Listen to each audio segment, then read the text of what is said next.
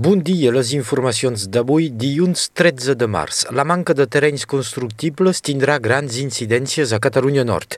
Després de molts anys de construcció gairebé sense regles, l'aplicació de les lleis climat i resiliències provocarà una frenada dràstica. Les noves construccions seran limitades a la meitat en els 15 propers anys, segons Jean-Paul Villès, president dels COT de la plana del Rosselló. Unes limitacions que impactaran totes les polítiques municipals que no podran requalificar terrenys per construir i que fins i tot podrien haver de fer marxa enrere per algunes parcel·les. Un gran canvi que tindrà repercussions tant en el sector de la construcció com pel preu de l'habitatge a Catalunya Nord. Habitatge encara, el diari L'Independent publica avui el detall del pla de renovació urbana del barri Sant Jaume de Perpinyà, un projecte que inquieta els habitants del barri que fins ara no van ser concertats. Segons l'Independent, el pla preveu més demolicions i la construcció d'un centenar d'allotjaments i d'una vintena de locals comercials. 75 famílies hauran de ser reallotjades. El pla de renovació de Sant Jaume va ser presentat al comitè de pilotatge el passat 31 de gener. Un kit de benvinguda amb una llibreta de cançons catalanes i un pitet, mit aquí el que rebran des d'ara totes les famílies nord-catalanes a cada naixement, una iniciativa del CIOCAT, el Sindicat Intercomunal de Promoció del Català i de l'Occità. Escoltem el seu president, Pere Manzanares, al micro de la Laura Bertran. L'idea és d'oferir un document útil que pugui seduir i que pugui enganxar l'orella als més petits eh, perquè totes aquestes eh, cançons infantils, eh, cançons de bressol, eh, hi ha tota una generació i els nostres pares i avis que les sabien de memòria perquè els pares les coneixien i les transmetien. En el llibret hi ha la lletra de la cançó i a cada cançoneta, en hi ha 20, hi ha un QR code. I amb aquest QR code, amb l'ordinador, l'iPad o el telèfon, es pot fer escoltar individualment a cada nin la cançó. Eren les paraules de Pere Manzanares, president del CIOCAT, al micro de la Laura Bertran.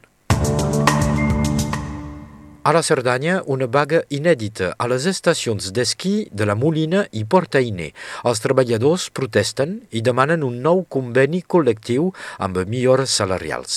Segons els treballadors, el conveni salarial va caducar ara fa 13 anys i les discussions amb l'empresa que gestiona les estacions d'esquí no avancen pas.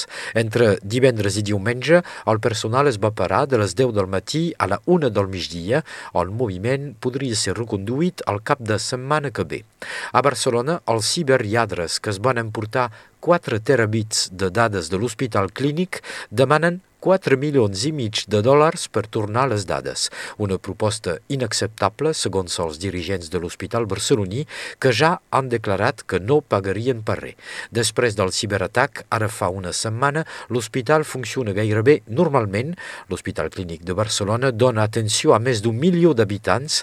Aquesta setmana, els professionals haurien de recuperar la totalitat de les contrasenyes d'accés a la xarxa informàtica de l'hospital.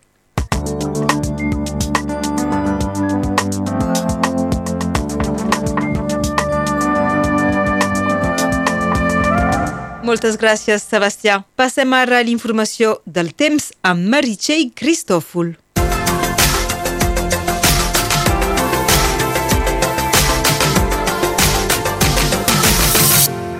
Bon dia. Temperatures excepcionals avui sobre tot el territori nord català i és al Vallespí on farà el més calor. Les temperatures de certs municipis vallespirencs haurien de ser aquesta tarda per sobre dels 20 graus. Pel que fa al vent, aquell baixa en intensitat, aquesta tarda les ràfegues màximes bufaran a 20 km per hora. Les temperatures, doncs, continuen sent per sobre de les normals per la temporada. Es preveu 21 graus graus a Costuja, 19 a Perpinyà, a Millas i a Nuedes, 18 graus a Ribes Altes, 16 a Sant Cebrià, a Cerver i a Puigbalador, 14 a Fontpedrosa i 12 graus a Eguet. Aquesta tarda el sol es pondrà a les 6 hores i 52 minuts i avui celebrem Sant Roderic.